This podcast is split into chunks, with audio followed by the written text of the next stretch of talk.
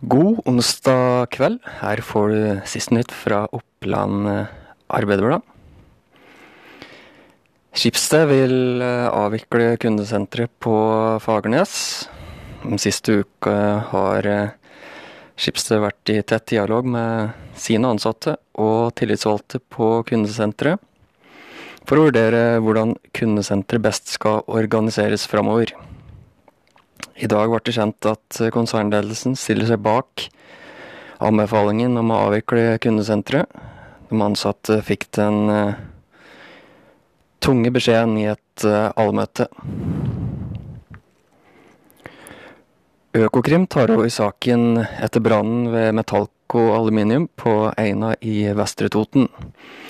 To ansatte mista livet, og to ble skada som følge av eksplosjonen 17.11.2017. Politiinspektør eh, Henning Klause oversendte saken for eh, påtalemessig avgjørelse i februar. Nå er det Økokrim som har tatt over stafettpinnen.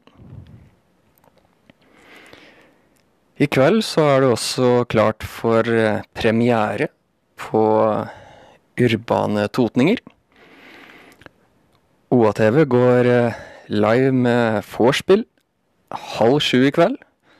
Da får du med deg direkte.